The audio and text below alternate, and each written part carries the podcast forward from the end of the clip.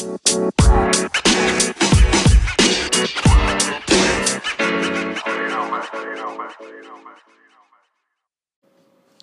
semua, welcome back to my podcast, Andar Sofian Podcast.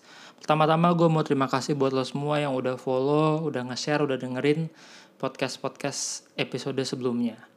Uh, buat kali kali ini gue bakal bahas soal Juventus Stadium. Salah satu alasannya karena Juventus Stadium di bulan ini anniversary yang ke-9. Jadi gue mau kasih cerita sedikit soal Juventus Stadium. Uh, sejarahnya dulu. Juventus Stadium sendiri uh, sebenarnya prosesnya tuh udah mulai lama banget tahun 2003. Tahun 2003 itu proses lahannya which is lahan yang sama dengan lahan Dele Alpi dibeli oleh Juventus dari kota Turin senilai 25 juta. Um, belinya sendiri setahu gue tuh uh, nggak nggak beli gimana ya belinya tuh dalam bentuk hak lahan sekitar 99 tahun kira-kira gitulah yang bisa diperpanjang lagi. Tapi satu sisi bentuknya udah kayak kepemilikan Juventus jadi Juventus bisa ngakuin tuh kalau Juventus Stadium itu punyanya mereka.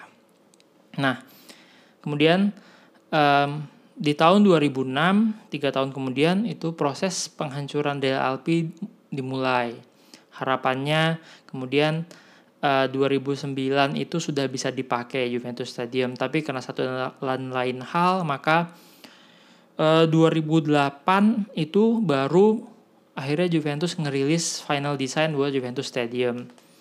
Dan proses pembangunannya sendiri dimulai tahun 2009. E, pembangunannya menghabiskan dana sekitar 155 juta euro, e, diselesaikan dalam waktu satu setengah tahun e, sampai dua tahun kira-kira, di mana di bulan Juli 2011 pembangunan sudah selesai. Mulai dari proses pembangunan selesai sampai proses administrasi, tes, dan lain-lain sehingga Juventus Stadium tuh benar-benar 100% bisa dipakai di pertandingan itu makan waktu sampai bulan November. Akhirnya di bulan November eh sorry Sept September maksud gue.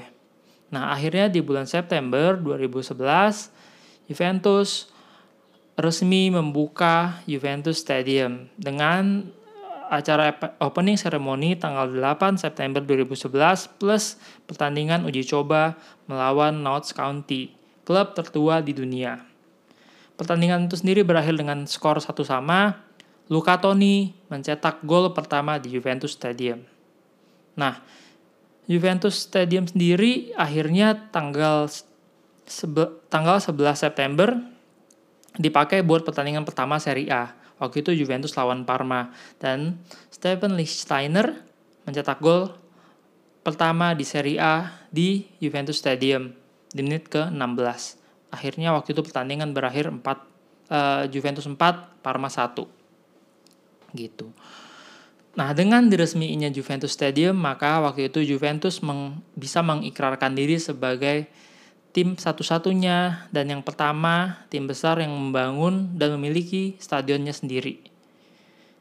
Namanya diresmikan sebagai Juventus Stadium. Nah, di, di perjalanan, perjalanan Juventus Stadium, kemudian di 2017 Allianz membeli hak nama Juventus Stadium sehingga merubah namanya menjadi Allianz Stadium. Banyak orang salah sebut sebagai Allianz Arena Allianz Arena sendiri itu sebenarnya kandangnya FC Bayern. Jadi kalau kandangnya Juventus itu ada Allianz Stadium. Uh, di kontrak awalnya itu 2017 sampai 2023, tapi baru-baru ini Allianz memperpanjang lagi kontraknya sehingga nama Allianz Stadium akan akan menjadi nama resmi Juventus Stadium sampai tahun 2030. Nah, kalau Juventus Stadium selain dipakai Juventus pernah dipakai tim lain gak sih? Nah, jadi tahun 2014 Juventus Stadium ini dipakai sebagai um, pertandingan final UEFA Europa League. Waktu itu Sevilla lawan Benfica. Pemenangnya Sevilla lewat adu penalti. Kemudian nanti di tahun depan kalau masih sesuai dengan rencana uh, final UEFA Women Champions League tahun 2022 bakal dilaksanain di Juventus Stadium. Gitu. Kalau kalian pengen lihat gimana meriahnya opening ceremony beberapa waktu yang lalu, beberapa hari yang lalu Juventus tuh baru aja uh, posting lagi video opening ceremony-nya sekitar satu jam. Lumayan banget lah buat kalian ngabisin waktu satu jam yang sangat berarti itu dengan nonton opening ceremony-nya Juventus back in September 2011. Setelah kita bahas sejarahnya, sekarang gue bahas soal um, feature-featurenya. Nomor satu pertama soal kapasitas. Berapa sih kapasitas Juventus Stadium? Kapasitas Juventus Stadium itu sekitar 41.500 uh, kursi. Kenapa cuma segitu? Buat orang kayak Juventus kan klub gede, kenapa kenapa sih kecil banget stadionnya beda banget sama kayak kalau lo bandingin kalau di Italia tuh stadion gede kayak San Siro bisa 80 ribu atau stadion di IPL dan Bundesliga gitu lebih gede. Oh ya ngomong-ngomong Bundesliga, idenya Juventus Stadium ini menurut gue lebih mirip uh, stadium di Bundesliga di mana jarak antara penonton sama pitch lapangan itu deket banget jaraknya tuh cuma tujuh setengah meter. Jadi lo bener-bener kalau lo duduk di, di di row paling depan lo bener-bener ngelihat as if pemain tuh bener-bener di depan mata lo gitu. Lo bisa bisa bisa dalam dalam raihan tangan lah kira-kira gitu. Jadi um, bener-bener kayak theatrical banget lah idenya sebenarnya. Jadi di di Italia kan kebanyakan stadion itu deng, uh, mirip kayak GBK gitu ya ada ada arena larinya sehingga jaraknya cukup jauh dari penonton sampai ke lapangan. Nah kalau ini tuh lebih mirip Bundesliga atau IPL gitu. Bener-bener lo deket banget sama pemain gitu.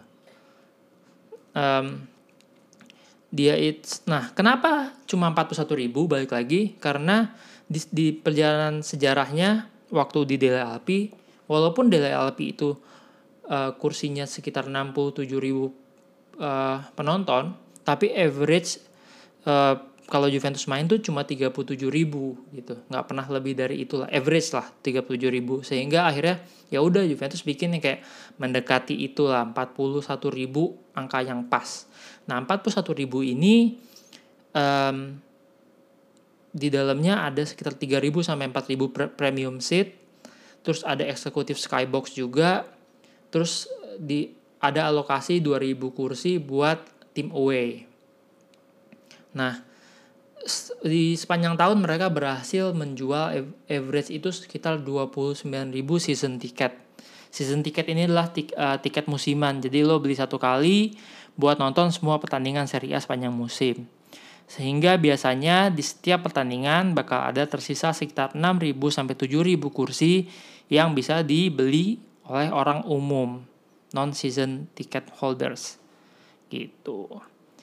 Uh, Juventus Stadium ini dibangun dengan sangat modern.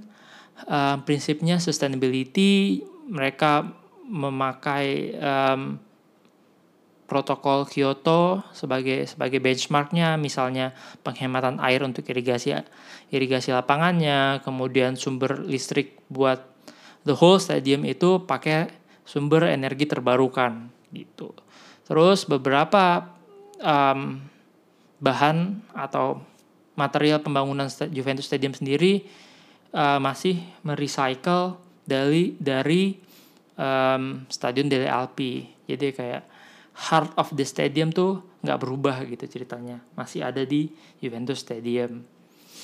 Terus kalau lo suka nonton Juventus dari awal gitu lo bakal lihat kayak di khususnya di Champions League sih bakal ada kayak emotional video music DJ uh, LED effect gitu itu itu permainan uh, lampu yang mengikuti irama musik dan lagu yang um, bikin Juventus jadi yang paling keren lah di minimal di Italia dan menurut gue di Eropa juga gitu.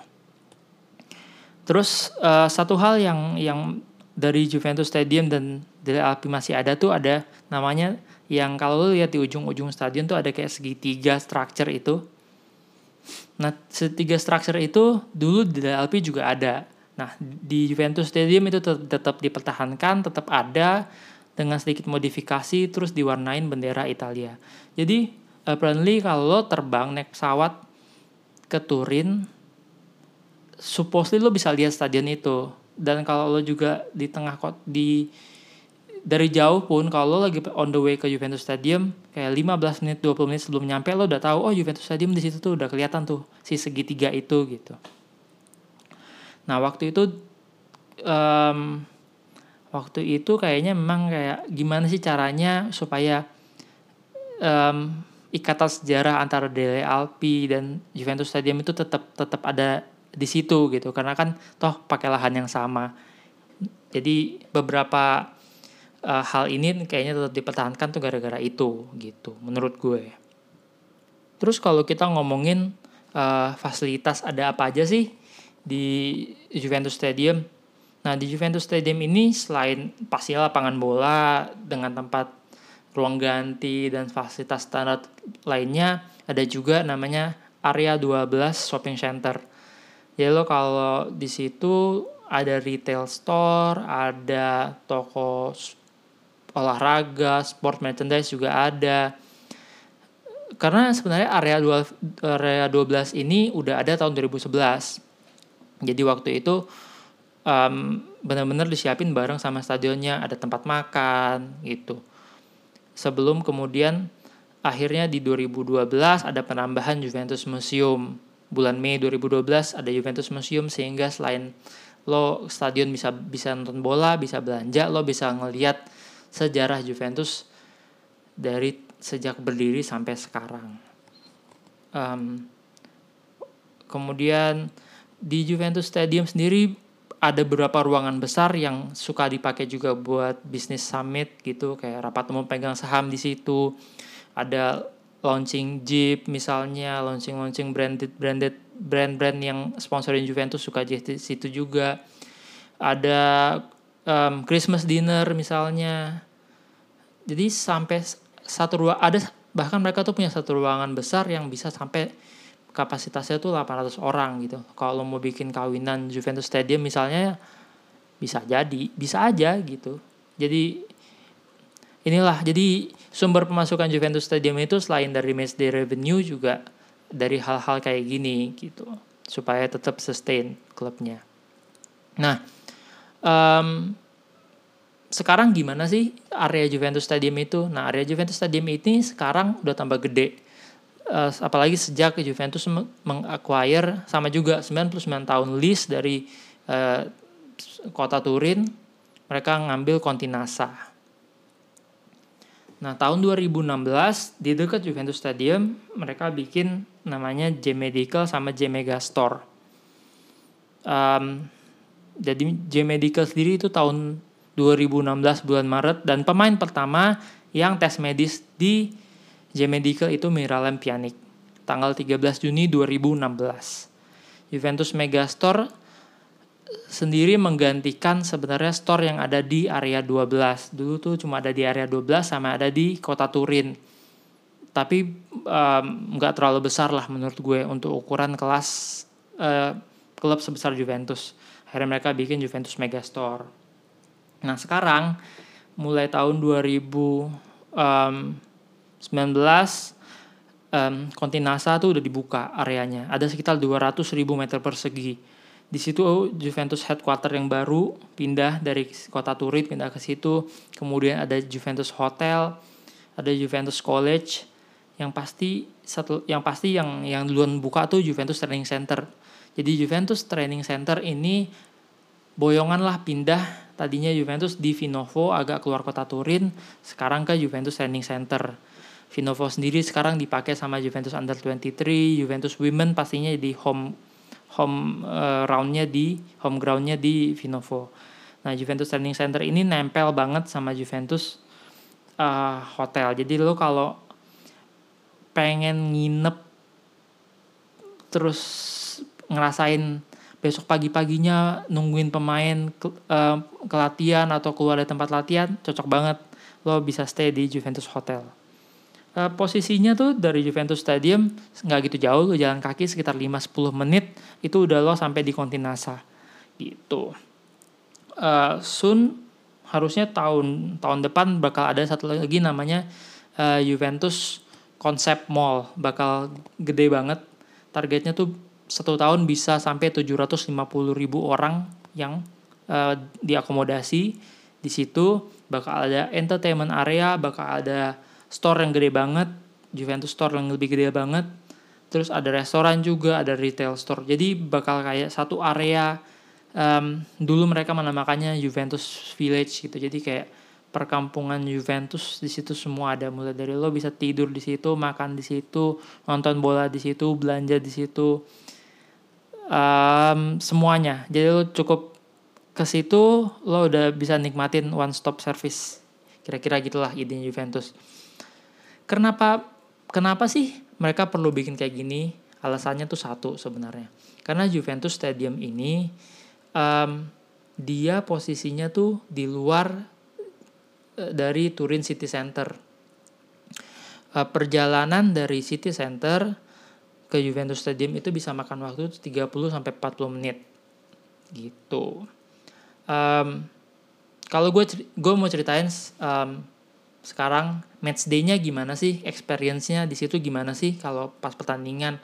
Nah, seandainya kalian tuh nginepnya di uh, City Center atau kalian datang dari Milan misalnya atau kalian naik pesawat ke Turin langsung, biasanya tuh gini misalnya oke okay, gue bahas misalnya lo dari datang dari Milan naik kereta.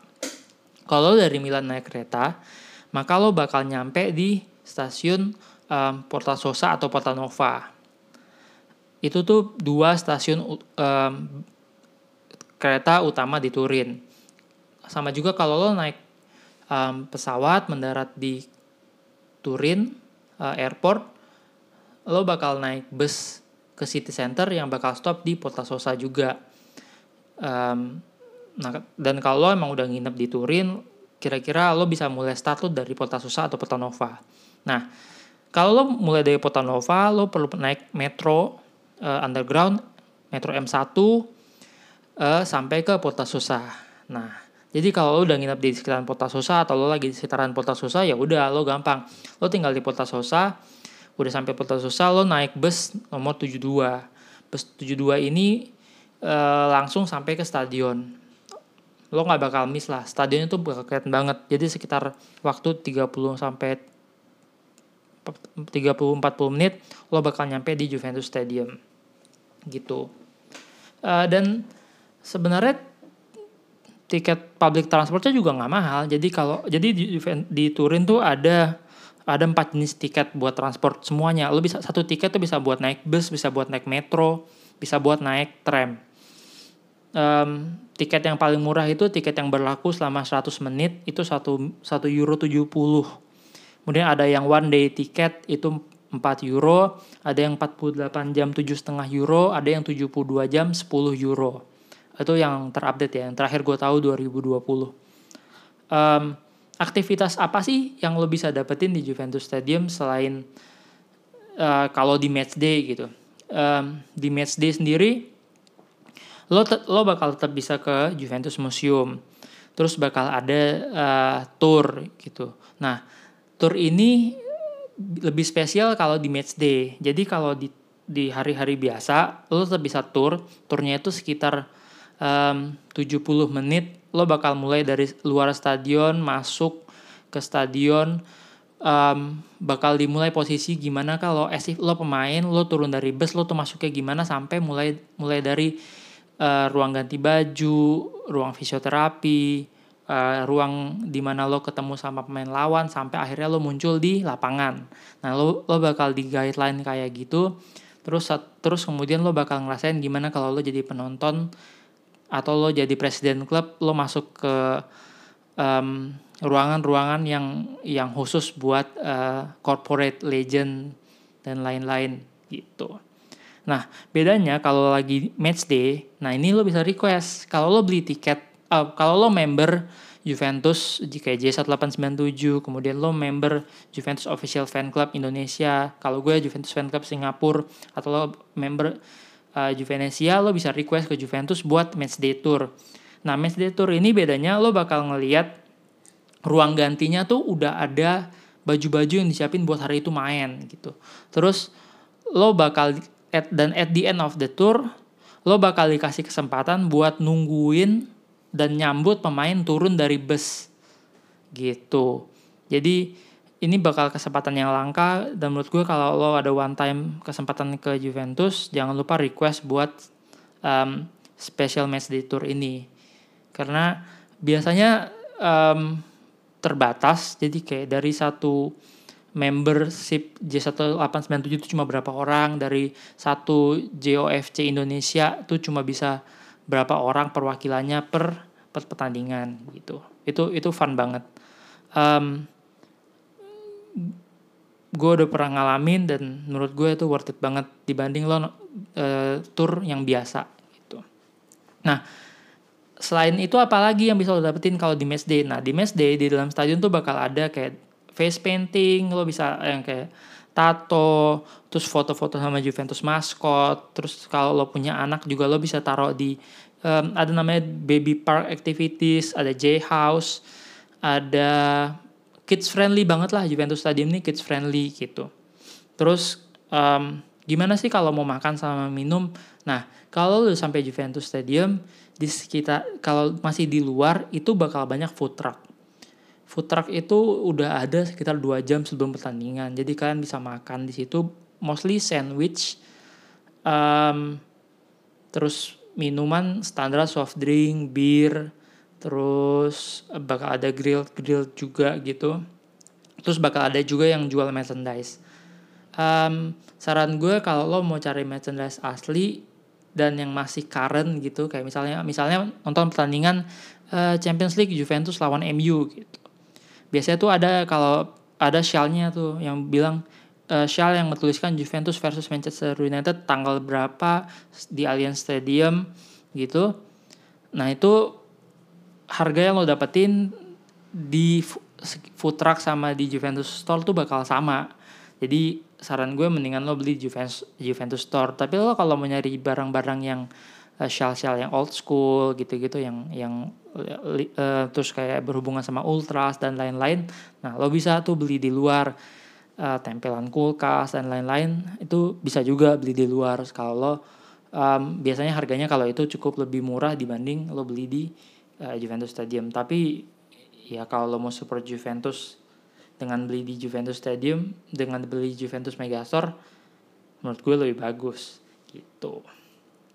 Nah um, apalagi ya kalau gue sendiri udah beberapa kali nonton di Juventus Stadium mungkin hitungannya udah kayak um, gue udah sekitar lima kali pergi um, 8 kali nonton. Um, menurut gue yang paling penting kalau lo mau pergi ke sana usahakan lo pergi ke uh, lo pergi yang pertandingannya itu minimal dua kali nonton jadi misalnya kalau ada pas uh, Serie A sama Coppa Italia atau Serie A sama Champions League itu lebih bagus lagi. Jadi lo sekali pergi hitungannya katakanlah lima hari atau seminggu lo bisa dapat dua pertandingan dengan dua experience yang sangat berbeda. Karena Serie A sama Champions League tuh feelnya beda gitu. Lo bakal um, bakal bakal ngerasain banget lah lagu anthemnya Champions League, terus suasana stadion tuh juga beda dengan um, banner-banner Champions League yang yang yang tentunya lebih lebih megah lah gitu dibanding uh, pertandingan Serie A gitu. Um, dan satu lagi buat jaga-jaga kalau tiba-tiba ada ada satu dan lain hal, misalnya lu temen gue pernah nonton um, Serie A sama Coppa Italia. Terus Coppa Italianya itu di cancel karena uh, salju turun um, terus banget gitu. Sehingga pertandingan masih ditunda ya tapi kan kalau lo tiket lo udah udah fix gitu ya udah. Lo cuma punya cuma punya berapa hari doang kan diturin gitu. Jadi kalau lo bisa punya dua pertandingan kan minimal lo masih dapat satu. Kalau nggak kan lo pulang ya lo akhirnya nggak jadi nonton gitu sayang juga. Itu sih saran gue kalau soal um, mau sana terus. Um,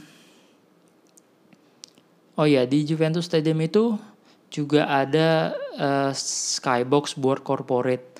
Nah biasanya tuh kalau salah satu sponsor Juventus yang sering banget bagi-bagi um, kesempatan buat nonton free di skybox yang mereka tuh bisa bisa follow socios socios.com. Mereka sering banget um, berbagi uh, kesempatan buat para fans bisa bisa nikmatin Juventus Stadium dari skyboxnya mereka. Harusnya gue kebagian juga kemarin Juve Inter 2020, tapi karena kena Covid pertandingan jadi close um, apa pertandingan tanpa penonton cancel jadinya. Kalau enggak gue bakal ngerasain juga sih. Jadi kayak menurut gue ya siapa tahu lo ada kesempatan ke Turin terus pas juga sky skyboxnya juga di open buat buat fans iya follow aja dulu gitu terus um, kalau lo mau ngapain lagi sih di Turin selain Juventus Stadium lo bisa follow um, round Turin round Turinnya itu per 2020 ini juga jadi um, travel agent resmi yang bisa bantu lo nyari tiket dan akomodasi selama lo di Turin dan di Italia khususnya sih sebenarnya.